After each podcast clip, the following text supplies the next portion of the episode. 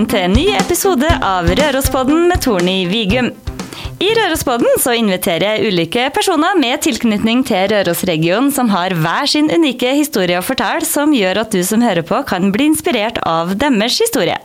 I dagens episode av Rørospodden så har jeg invitert med ei dame, eller jente kanskje, fra Ålen. Hjertelig velkommen til deg, Malin Anette Skogas. Jo, takk for det. Og du Malin, for å starte, kan du ikke fortelle litt om deg sjøl og din tilknytning til regionen? Jo, jeg kommer opprinnelig fra Haltdalen, og så flytta vi til Ålen når jeg gikk sånn i tredje klasse. Og der har jeg egentlig bare bodd. Eh, og så jobber jeg på Røros. Her har jeg jobba i ti år nå, på Fjellpryd. Så det Er du utdanna blomsterdekoratør? Jeg er blomsterdekoratør. Så du jobber, på, du, du jobber ikke på den avdelinga dere åpna i Åren, da? Jo, nå så jobber jeg halve tida mi i Åren, så det var egentlig veldig praktisk for meg, da. Som bor der og har ungene mine der. Ja, For du har to unger, ikke sant? Ja, jeg har to jenter. Ei på ni og ei på to år. Mm. Når du gikk gravid med barn nummer to, så merka du at det var noen ting som var litt annerledes. Ja. Kan du fortelle litt om det? Eh, det starta vel egentlig med at det var litt sånn usikker og utrygg graviditet. da. Jeg visste ikke helt hvordan det kom til å gå. Og da ble vi jo litt sånn usikre på om vi skulle tørre å glede oss. Det var kanskje sånn det starta. Og ettersom tida gikk, så ble jeg mer og mer lei meg. Og begynte liksom aldri å glede meg. Hadde aldri noe glede. Under hele svangerskapet, eller var det sånn etter Eh, noen måneder? Det starta liksom helt fra jeg fant ut at jeg var gravid, og egentlig eskalerte bare mer og mer. Da. Så ettersom tida gikk, så ble jeg mer trist og lei meg. Og ja, klarte ikke å kjenne glede. Ble veldig likegyldig. Og det var samtidig som du òg hadde et annet barn å ta deg av òg. ja. Hvor gammel var det, det første barnet ditt da? Eh, Hun var sju år hun da når jeg var gravid for andre gang. Hmm. Jeg tror, jeg tror nok hun merka at noe var annerledes. Eh, For unger merker jo mer enn vi tror. Eh, Så hun valgte jo kanskje å trekkes litt unna. Hun valgte å heller være med pappaen sin. Eh, Heldigvis for da, så hadde hun den muligheten at hun hadde pappa i et annet hus. Hmm. Så hun valgte å være mer der. Eh, Jeg prøvde jo å forklare henne at eh, jeg er bare veldig trist og sliten. Eh, Men det var det eneste jeg visste sjøl òg. Jeg visste jo ikke hva det egentlig var med meg. Men når fant du ut at det var en For du snakka det var en svangerskapsdepresjon som du fikk. Ja, det viste seg jo det, da. Det tok egentlig ganske lang tid før jeg, før jeg fikk vite det sjøl. Eh, det var jo noe Jordmora mi fulgte jo med meg veldig nøye. Så var det egentlig hun som tok opp det med meg først. Eh, jeg hadde jo merka at det var noe sjøl òg, men jeg klarte jo ikke å finne ut måte hva det var. Så det Nei. Det bare jeg følte meg fryktelig, fryktelig trist. Klarte du å jobbe i denne perioden, eller var du sykemeldt? Eh, Jeg var sykmeldt i utgangspunktet pga. graviditeten. Mm. Eh, Men jeg, jeg tror ikke jeg klarte å jobbe lell, nei. Du, jeg var helt uh, utafor. Mm. Det, så- det er rart å snakke om det nå, da, for nå ser jeg det jo fra en helt annen plass. Men der og da så var jeg i en helt sånn i en boble av tristhet og negative følelser og tanker. Så du gleda ikke deg til det barnet skulle komme? Nei. Eh, dessverre så gjorde jeg ikke det. Og det gjorde jo òg at jeg følte litt sånn skam, tror jeg. Eh, følte det veldig ekkelt, for jeg ville jo glede meg. Eh, jeg ville jo i utgangspunktet ha denne ungen, Mm. men jeg havna i en sånn tilstand der jeg ikke klarte å glede meg. Hmm. Og da var det, som du sa, jordmora som, eh, som oppdaga at det var en depresjon som du hadde fått? Ja, hun hadde nok fulgt med det ganske lenge før hun på en måte tok opp det med meg. Og vi hadde jo, hun hadde jo vært inne på liksom, temaet og prata om følelser og at det var mye trist og sånn. Men det var vel ikke før jeg var rundt fem, fem måneder på vei kanskje, at hun sa det rett ut at jeg, jeg tror, det, jeg tror du er deprimert, og jeg tror du trenger mer hjelp enn jeg kan gi deg. Mm. Og da fikk jeg meg en liten sånn wake-up call, egentlig. Jeg, kjempe, jeg ble veldig glad og letta da, at hun på en måte sa det til meg at jeg tror du er deprimert. Mm. For det var, det var kanskje at noen ga meg et svar på hva det var som var galt. For jeg hadde ingen anelse. Jeg gikk bare i en sånn For du hadde ikke hørt at noen andre hadde lidd av det samme under et svangerskap heller? Nei, egentlig ikke. Jeg hadde jo hørt om at folk fikk eh, fødselsdepresjon sant? og kunne ha litt sånn reaksjon etter at de fikk barn. Men jeg hadde jo liksom hatt det nesten fra den dagen jeg fikk vite at jeg var gravid. da. Mm. Eh, Det hadde jeg aldri hørt om, og kanskje derfor at jeg aldri var inne på den tanken heller, da. At jeg ikke Ja, for at man, man tror at det kanskje er fødselsdepresjon, at det er etter at barnet kommer at eh, Ja. du kan få en sånn reaksjon som du sa. Men det som jeg har fått høre nå da, i ettertid, så er det jo nesten like vanlig det å ha det mens du er gravid. Men det er det ingen prater om, og da vet vi jo ikke. Det er helt sant, og det er så bra at vi kan prate om det her og nå, Malin. Ja. Hvilken hjelp fikk du da av jordmora, for hun sa at hun ikke kunne hjelpe deg. Ja. Hun, du, hun måtte sende deg til noen andre. ja. Hva hun Eh, gjorde, hva du ble sendt hen da? Hun satte meg i kontakt med noen i Trondheim, på sykehuset der. Så da ble det liksom med et team der, da. Eh, Jeg prata med mange forskjellige folk, og de prata sammen etterpå. Så de fikk liksom Ja, alle Jeg fikk mange liksom vurderinger, da. Og da var de vel enige med at uh, det her var en, eh, en svangerskapsdepresjon. Mm. Og at det var såpass alvorlig, da, ut ifra det jeg fortalte sånn som jeg hadde det. Mm. Så da ble det Jeg ble satt i kontakt med Orkdal DPS. Mm. Og begynte da med psykolog og forskjellig. Det ble satt i gang med en gang. Vi for ikke fra Trondheim heller, vi før jeg fikk første telefon fra det psykologteamet som skulle hjelpe meg. Så da ble du lagt inn på, på Orkanger, eller? Eh, Jeg fikk tilbud om det, men jeg valgte sjøl at det, det ville jeg ikke. Mm. Eh, Så jeg ville hjem igjen. Og ja, du har jo en litt følelse av at du skal jo klare alt sjøl. Mm. Det er jo kanskje noe som gjør at vi blir litt utsatt for ting, for vi skal jo ordne opp i ting sjøl. Mm. At du ser på det som et nederlag og får hjelp av noen andre òg, kanskje? Absolutt. Og jeg tenkte mye at alle klarer jo å gå gravid. Det er jo noe alle gjør. Jeg har jo sjøl gjort det før. Hvorfor skal jeg ikke klare det her nå? Mm. Så følte du på den skammen i tillegg. Ja, fryktelig mye med det. Hvordan var det å komme til Orkanger da, og snakke med psykolog og det teamet rundt det? Nei Jeg kjempa i gruvene meg veldig den første gangen. For jeg skulle liksom fortelle noe, Det var viktig at jeg var liksom fortalte alt. Mm. Eh, og det hadde jeg jo aldri gjort. Eh, så jeg kjempa veldig sånn Følte at det var pinlig, da.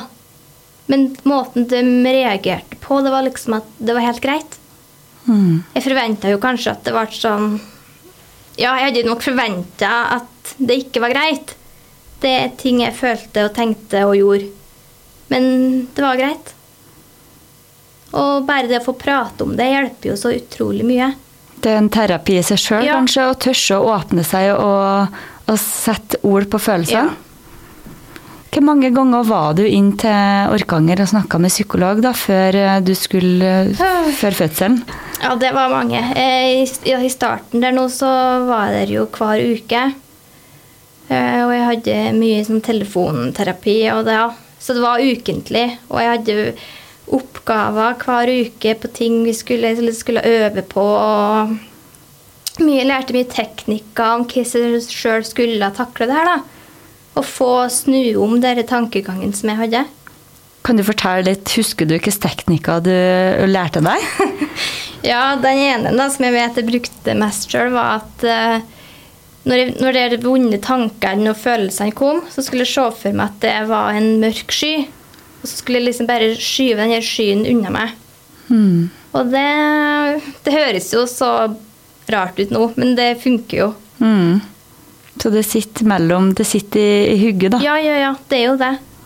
Eh, Og det her handler jo liksom om meg og mine følelser og mine tanker.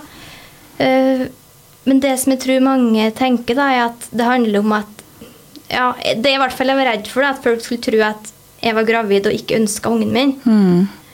Eh, men det var aldri det det handla om. Men det er jo kanskje det mange tenker, da, at du vil ikke ha ungen din. Mm, fordi at du har, ja, på Ja. grunn av at du har fått en, en depresjon. Ja. Ja. Men ble du noe bedre etter at du begynte i den terapien på Orkanger? ja, absolutt. Hvor lang tid eh, var det i terapi før du begynte å kjenne at eh, kanskje tankene snudde? Eh, når vi kom nærmest den tida like før fødsel, så følte jeg sjøl òg at det var på en måte Jeg hadde det veldig under kontroll, da. Jeg klarte liksom å styre det til en viss grad sjøl, og jeg visste at når jeg fikk disse tankene og det, så hadde jeg ganske Jeg følte at jeg takla det, da. Mm. Så jeg følte meg veldig sånn ovenpå og klar da, når denne tida nærma seg. Mm. Eh, og så kom jo dagen da denne ungen ble født, og da kjempa jeg følte at ja, eh, ikke bare kroppen som ble lettere, altså, men hodet mitt. Mm. Eh, nesten så fort denne ungen var ute, så følte jeg at yes, nå var det noe som forandra seg. Så rart. Ja. Hadde du, eller hadde du på en måte blitt forespeila at denne depresjonen skulle bli ferdig egentlig når at eh, svangerskapet var ferdig? Eh, både ja og nei. Eh, en måtte liksom forberede seg på begge deler. Eh, men tenk litt Når jeg fikk den her følelsen av og liksom følte veldig at yes, det her er ferdig, endelig, så gjorde jo det til at jeg på en måte nullstilte meg helt og Ja. Så da ble det jo enda vanskeligere når ukene gikk og det her kom tilbake. Ja, For da gikk det over i en fødselsdepresjon? Ja. Mm. Var du Eh, da òg ferdig med behandlinga på Orkanger? Nei, jeg var fortsatt eh, heldigvis under behandling. Mm. Eh, samtidig som eh, både jordmor og helsesøster var fortsatt inne i bildet. Og helsesøstera i åren var jo informert om denne situasjonen og veldig påpasselig og flink med oss, da. Eh, men det kom liksom gradvis tilbake. At det, men da igjen så tenkte jeg at kanskje det her er helt vanlig, fordi at du blir jo veldig følsom etter du får barn. Og sårbar. Så det tok liksom litt tid før jeg merka at det her er kanskje mer enn mer enn vanlig. Mm. Eh, Jeg fikk litt sånne rare tanker om at jeg kan ikke, jeg får ikke til å kle på ungen min, eksempel. Det kom bare dette ja, i hodet ditt? så en dag så trodde jeg sjøl at jeg ikke klarte å få på ungen min klær. Sjøl om jeg hadde gjort det dagen før og gjort det i mange år tidligere med en annen unge, så følte jeg at nei, i dag klarer jeg ikke det. Hm. Bare en sånn sperre i hugget altså, som sier at det her klarer ikke du. Du kan ingenting. Eh, Du er dårlig. Mm. Ja, bare sånne negative tanker. Og det kunne vært opp på- om alt, altså. Det kunne være om bilkjøring, det kunne være om å lage middag. Eh, Så det var plutselig ja. så bare Så det er vel kanskje noe som Når du er deprimert, da, at en minste lille ting blir vanskelig. Og så det ene overføres til det andre òg. At Ja. det eskalerer Ja. uten at du på en måte har kontroll på det. Og jeg var jo ikke Jeg var jo, visste jo så godt at jeg kan jo det her. Men det er et eller annet i hodet som sier at det her eh, klarer ikke du, og du blir jo bare mer og mer og Jo flere sånne tanker han har, jo mer deprimert blir han jo òg. Mm. Så det blir en ond sirkel, da, Ja. rett og slett.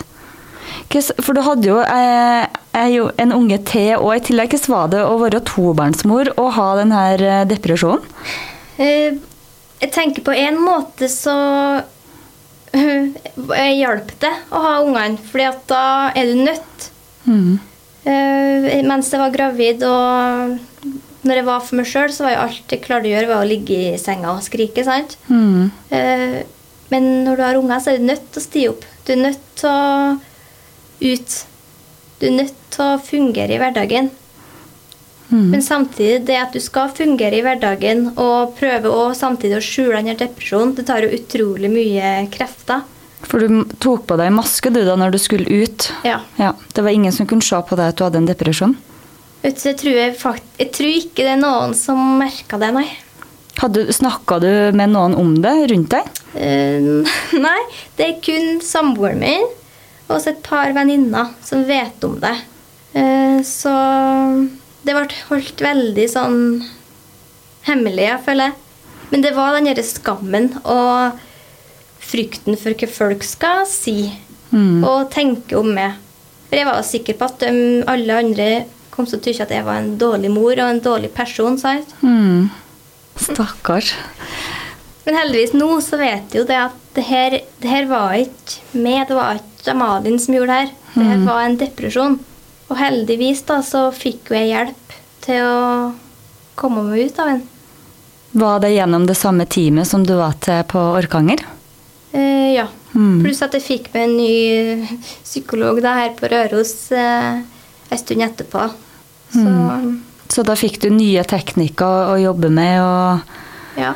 og prate om ting som Eller de følelsene som du hadde rundt eh, det å være mor og, og ja, ja. Og det som du skulle gjennomføre på en dag. Hvor lenge gikk du i terapi? Eh, ja, totalt så tenker jeg at det ble et par år. Mm. Fra du ble diagnostisert som svangerskapsdepresjon, Ja. og til mm, to år etterpå, ja. Ja. Hvordan er det i dag da, Malin? Er det sånn at du er det sånn at du er helt ferdig med det, eller kjenner du igjen noen følelser innimellom, eller hva er det? Jeg tenker at alle har jo forskjellige dager. Det går jo opp og ned. Eh, Jeg tror nå sjøl at jeg på en måte er frisk. Mm. Eh, Men jeg kjenner jo på det. Når jeg har dårlige dager òg, så kommer jo fort den redselen. at Er det her bare en vanlig dårlig dag, eller er det noe mer? Så jeg kjenner jeg blir, tenker liksom ekstra på det. Sjøl om jeg òg skal prøve å ikke fokusere på det, så er det jo en tanke som kommer opp. For jeg er jo redd for at det skal skje igjen. Mm. For det er tanker som du ikke klarer å kontrollere. Ja. Mm. Og da blir en jo redd når en ikke har kontroll over Ja. en situasjon. Og det, en sånn depresjon, det, det tar liksom hele Det er så altoppslukende. Og du styrer liksom ikke Du styrer ikke sjøl lenger. Den bare er der Ja, og og det er fryktelig skummelt. Jeg har vært masse redd sjøl, altså. Mm. Eh, Når en får sånne tanker og Hvis du har noen sånne dager nå, er det noe du gjør? Ringer du til noen og sier at du har en dårlig dag? Ja, nå så er jeg egentlig veldig sånn åpen på den delen med de venninnene mine som vet om det her. At eh, Ja, jeg tror jeg har blitt flinkere til å prate om følelser, da. Mm. Og mer sånn åpen Jeg har bestandig vært en litt sånn åpen person og prata om mye. Men akkurat eh, ting som på en måte går på meg sjøl, og kanskje ikke så bra ting, da, det har jeg jo skjult litt. Men nå er jeg veldig mer åpen på det, da, og kan Mm, For alle har jo positive sider, og så har den jo negative sider. Så handler det jo om at en skal akseptere alle de følelsene som kommer. Mm. Selv om det er en dårlig følelse, så er jo den like bra den som en bra følelse. Ja. At alle følelsene er like mye verd. Ja, og en må liksom tørre å kjenne på sine egne følelser og tenke at det er greit å føle det sånn. Mm. Hva som skal til for at det er flere som tør å, å snakke litt om hvordan en egentlig har det? Eh, Akkurat på det temaet her da, så tror jeg faktisk at det er I hvert fall for meg, for det som gjorde at jeg følte at jeg måtte holde hemmelig, var det at jeg trodde at eh, folk tror at det går på ungen. Mm. Eller på meg som mor. Mm. Eh, Men egentlig så har ikke det noe med, med saken å gjøre. Det er bare at det skjer på samme tidspunkt. Mm. Kanskje for noen så går det jo mer på det med ungen òg, men for meg så gjorde ikke det, altså. Eh, det var noe annet som gjorde at jeg Ja, nei. At du fikk det, ja. For du er jo som nybakt mor, så er du jo veldig sårbar. Ja. Og du er veldig følsom, og du blir jo, det er jo mange, mange nok av mammapolitiet som er ute og Ja. skal kritisere. Det er det at du føler at det er noen som skal si det negativt om det som mor. Og um, jeg kommer også på jeg fikk en kommentar Det var mens jeg var gravid, og det var ei venninne av meg. Og hun um, sa til meg at jeg er ikke glad i ungen din, du. Det var for at hun hadde stått utafor og sett meg som ikke um, klarte å prate om at jeg var gravid. Ikke hadde kjøpt den eneste ting til denne ungen. Jeg klarte ikke å forberede at denne ungen skulle komme. Jeg var liksom helt Helt likegyldig? Ja, vel, helt likegyldig til dette temaet her, da. Og da ble jeg så fryktelig lei meg når hun sa det, for jeg ville jo ha den ungen. Mm. Men det var en sperre i hodet mitt som gjorde at jeg ikke Jeg fikk ikke til å glede meg. Jeg ville så gjerne glede meg. Og jeg ville jo så gjerne gå på en barnebutikk og kjøpe, kjøpe inn til den ungen. sant? Jeg ville jo forberede, men jeg fikk ikke til det. Og det var faktisk ikke min egen skyld, altså. Mm. Jeg klarte ikke å kontrollere det her. Tror du at det har vært annerledes hvis du har eh, vært åpen om det da? Og sagt det som det var? Eh, ja. Fordi at da fikk jeg jo enda en sånn Å, nei, nå må jeg skjule det her enda bedre, sant? For da følte jeg at noen kanskje begynte å se litt igjennom det her skallet mitt. Og da prøvde jeg enda hardere å skulle skjule det, og Ja, jeg jobba så hardt for å skjule det. Mm. Eh, bare det å reise en kjapp tur på butikken. Da kunne jeg sitte dagen før og gruve meg. Fordi at eh, Ja, jeg ville jo helst ikke møte folk. Jeg var jo redd. Mm. Eh, Og når du er gravid da, og møter andre folk, sant, så spør de jo å, går det bra, og om du gleder deg, sant, og har du alt klart. Det er veldig sånn standardspørsmål. Liksom, har du forberedt alt nå? Mm. Og der sto jeg da sju-åtte måneder på vei og hadde ikke en eneste ting til ungen min. Mm. Og jeg var ikke i stand til å forberede noen ting. Ja, du hadde ikke tenkt på det heller? Kanskje- eh, Nei, det når så fort jeg tenkte på det, så ble det bare enda verre. Det hadde vært annerledes hvis det er en person som hvordan det går med deg. Har du det bra i graviditeten? Tror du det? Ja, Hvis noen hadde spurt om det, så tror jeg jeg brøt sammen og Mm. skrekke, altså. Mm. Men alt handler jo om den her eh, ungen som skal komme. Mm. Og du skal være glad når du er gravid. Det Og så skal du være glad når du har fått den, da. Ja. Mm. Det er det vi forventer. Ja. Det er det vi tror òg. Og da gjør en jo sitt beste for å prøve å opprettholde det bildet. Mm. Selv om det egentlig ikke er sånn. Vet du hvor mange som Fikk du noe informasjon om hvor mange som går gjennom en svangerskapsdepresjon og en fødselsdepresjon? Uh, Jeg mener at det var nesten 30% av alle gravide. Og du hadde ikke hørt om det før du fikk det sjøl? Nei, ikke at du kan få det mens du er gravid. Nei, det har jeg faktisk aldri hørt om. Og det sier jo òg litt om hva lite, hva lite det snakkes om òg, da. Ja. At, det, at man må tørre å snakke om eh, alle deler av, eh, av det òg. Ikke bare, det er ikke bare glede for alle. Nei, det er ikke det. Og at vi må slutte å forvente det, tror jeg. For det setter så press til dem som ikke har denne gleden, da. Mm. Og det kan jo være mange årsaker til at du ikke gleder deg. Men det trenger ikke å bety at du ikke vil ha ungen din. Det er to forskjellige ting. Ja. Mm. En oppvekker kanskje til dem som tror da, og går rundt og, og tror at alle som er gravid, gleder seg, og alt er fint og flott. og Kanskje en skal ha fokus på personen i stedet for på ungen. Mm. Tenk, tenk mer på mamma. Mm. Det må være lov.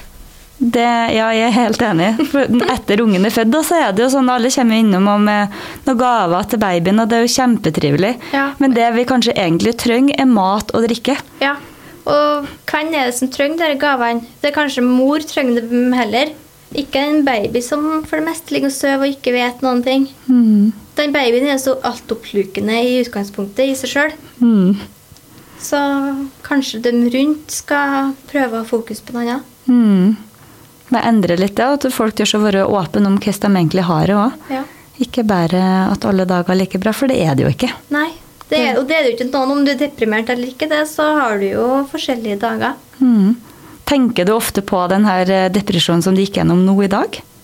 På en dårlig dag så kan jeg tenke på det, ja. I form av at jeg, tenker, jeg blir kanskje litt urolig for at det skal øh, komme tilbake, da.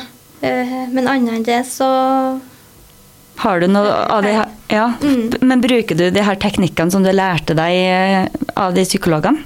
ja, Gjør du det, i dag? Det gjør jeg fortsatt. Mm. Det gjør jeg. Og eh, ikke bare i si, depresjon, men med alle tankene kan ha. Mm. Det hjalp. Ja.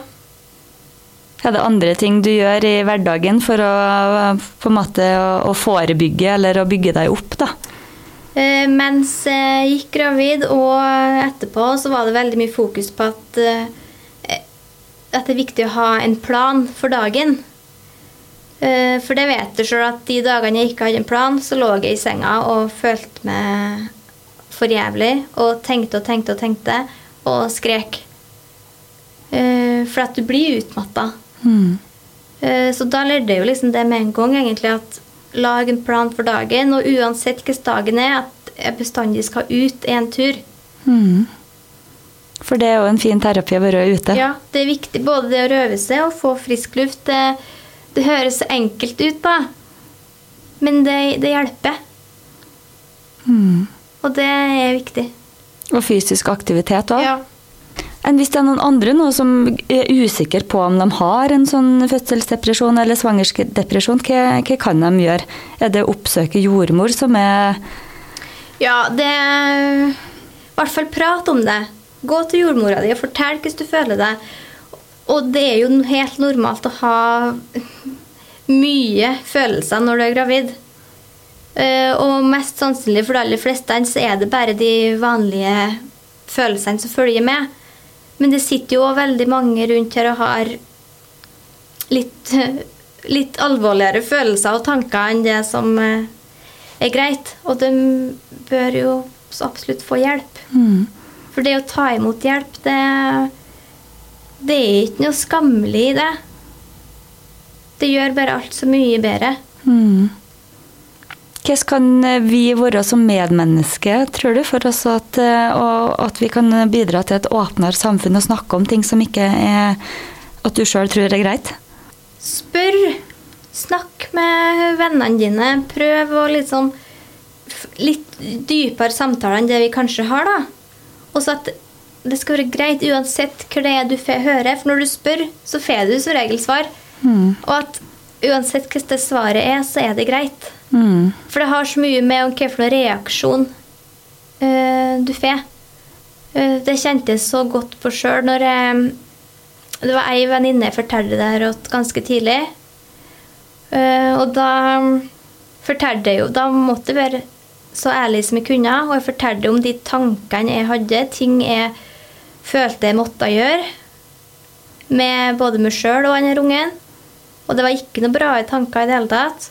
Eh, Men måten hun på en måte tok det på, gjorde at jeg tørsa å fortelle det neste gang òg. Mm. At en aksepterer Ja, det var helt, eh, hun, for henne var det helt greit. Hun kunne jo ikke gjøre noe med det uansett. Så ja. Men det betød mye å ha noen som hørte på deg, og så, og så tok de følelsene som du hadde, ja. at du syntes det var greit. ja, bare si at det er greit at du føler og tenker sånn. Det er ikke bra, men det er greit. Mm. Og liksom Ja, prøv å jobbe med det. Så bra at uh, du fikk den reaksjonen. Ja, det er veldig Det er vel den reaksjonen som uh, det bør være, da, for å gi den støtten som en kanskje trenger i den situasjonen òg. Ja. Uh, hun her som jeg forteller det åt, da, eh, det fikk jeg beskjed om den første gangen da jeg var til Trondheim, at du må finne deg en person som du kan snakke med det her om, eh, for at jeg skulle få lov til å reise hjem igjen. Og være hjemme med et barn og en graviditet. Eh, for at samboeren min han jobber borte, så jeg var jo for meg sjøl hele uka. Så jeg måtte liksom ha en person som jeg virkelig var involvert i det her, da. Eh, og da tenkte jeg veldig sånn Hvem skal her være? Og mange tenker For når jeg har snakka litt om det i ettertid, og mange sier at hvorfor sa ikke du til mor di? Men det blir liksom for nært, Mm. følte jeg. Og at hun ville jo bli lei seg med meg. Og det var ikke det jeg trengte. Så jeg måtte liksom velge noen som var på en måte stola på, som var en venninne, men samtidig noen som på en måte er hard nok og tøff nok til å på en måte slå, bryte gjennom hvis det skulle være nødvendig. da. Mm. For det må jo også være en person som kan si ifra at nå går det for langt, nå må vi tilkalle hjelp. liksom. Mm. Og den personen fant du. Ja, det Og, var... og hun brukte det mye, både under svangerskapet og etter fødselen, eller? Eh, Jeg brukte nok litt akkurat da i starten, ja. Og så gikk det liksom automatisk bare over. Men det som er så fint, var at det her er en person som jeg på en måte Jeg jobber med henne. Mm. Så jeg var vant til å møte henne hver dag. Men vi var aldri vært sånn veldig sånn personlig. Så det var liksom en sånn fin blanding da, av noen jeg kjenner godt, men ikke Kjenne det innerste Ja. deg? Ja. Og det tror jeg òg er viktig, for det må være en person som kanskje ikke blir så påvirka av de følelsene dine. da. Mm. Hun, hun tykte jo selvsagt det var helt forferdelig, hun òg, men hun Jeg tror aldri hun ble på en måte lei seg og nedstemt med meg, da. Hun klarte hele tida å holde seg oppe. Mm. Og det, det tror jeg er viktig. At du kan ha en liksom sterk, stødig person Mm. som kan passe på, og som på en måte tørs å ta den vanskelige avgjørelsen eller samtalen når du ser at uh, nå, nå må du faktisk uh, reise til psykologen din med en gang. Mm. Hva, hva har du lært av alt det her, Malin? Det aller viktigste er vel kanskje det at en skal være åpen om følelsene sine, for det blir bare så mye verre når du går med det inni deg. Det er da det her vokser og blir til den derre mørke skyggen. Så det å være åpen og ærlig Og de aller fleste personene takler jo det her så bra. Men du må jo si det. Mm. Og sette ord på det. Ja. For det er ingen som kan, det er ingen som kan lese tankene våre. Så det er jo på en måte Det var jo min oppgave da, som den deprimerte å fortelle det her. Mm. For det var ingen som kunne komme og bare votte det. Så vi har jo et ansvar sjøl. Og jeg føler jo i hvert fall sjøl at jeg tok det ansvaret da. Og ja, tok ansvar for egen helse, rett og slett. Og i dag så er du friskmeldt. Ja, Ja. jeg føler jo det. ja. Ja. Så det, så det går over. Mm. Det, Det skal ikke være sånn for bestandig, men Nei. må ta den jobben som kreves der og da. men når en står i det, så føler en virkelig at det fins ikke noen vei ut. Mm. Og det her blir aldri bra. Og jeg, jeg har ikke tall på hvor mange ganger tenkt den tanken og skrekke meg i søvn. Altså, at det her kommer aldri til å gå over. Det her er for alltid. Men det er ikke det. Men det gikk sakte, men sikkert over, eller var det Det var jo ikke borte over natta, vil jeg tro. Nei, det, det både kom og gikk eh, sakte, men sikkert. Mm. Og det at det kommer såpass sakte som det gjør, da, det er ikke at du våkner plutselig en dag og er alvorlig deprimert. Det kommer jo gradvis. Og det er kanskje derfor det er så vanskelig å se det sjøl òg, for du venner det til det mens det går. Mm. Og da er det vanskelig å innrømme og innse at nå er det noe som ikke stemmer med meg. Mm. Hva ser framtida di ut nå, Malin? Hva, Den, hva du for framtida? Den ser veldig lys ut. Jeg tror det her går veldig bra. Og jeg føler òg at det er liksom fit for fight hvis det skulle være så uheldig at det her skjer igjen. Mm. Så føler jeg at jeg har så Jeg kan så mye om det, og om meg sjøl, ikke minst, til at det her eh, skal gå bra. Mm. Har du noe livsmote? Jeg liker å spørre om det. Så. Eh, det, det har jeg faktisk, og det hadde jeg før det her skjedde òg, da.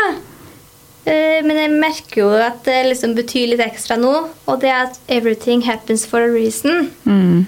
Og ja. Alt skjer for en grunn. Ja, det gjør det. Det kom for at du skulle lære noen ting. Ja. Mm. Og det føler jeg absolutt at jeg har gjort. Så bra, så du, kommer du har kommet styrka ut av det. Ja, det har jeg. Så bra, Malin. Så tøft at du vil eh, komme og fortelle om det her på Rørospodden. Jo, eh, det var skummelt, men det gikk jo bra. Ja, og fint at du vil komme og bidra til at eh, kanskje få- flere da, som kan tørre å være åpen om en depresjon, eller om det er noen tunge følelser som de går rundt med. Ja. Jeg kan jo si at hvis det er noen her da, som er deprimert, så er ikke hun for seg sjøl. For det er så lett å tenke at du kommer i en boble der det er kun deg sjøl. Du ser kun deg sjøl og alt det negative. Men du er ikke for deg sjøl. Og det her er, det skjer med så mange mer enn flere enn vi tror. Mm. Så man skal tenke at den er aldri for seg sjøl. Ja. Snakke Snakk om det, Ja. og del det du føler. ja. Mm. Så bra, Malin. Tusen hjertelig takk for at du kom og fortalte historien din. Jo, takk for meg. Tusen takk, kjære Malin Anette Skogås, og tusen takk til deg, kjære lytter som hørte på. Rørospodden er tilbake igjen neste uke, og du finner også Rørospodden på Facebook og Instagram under navnet Rørospodden. Ha det bra!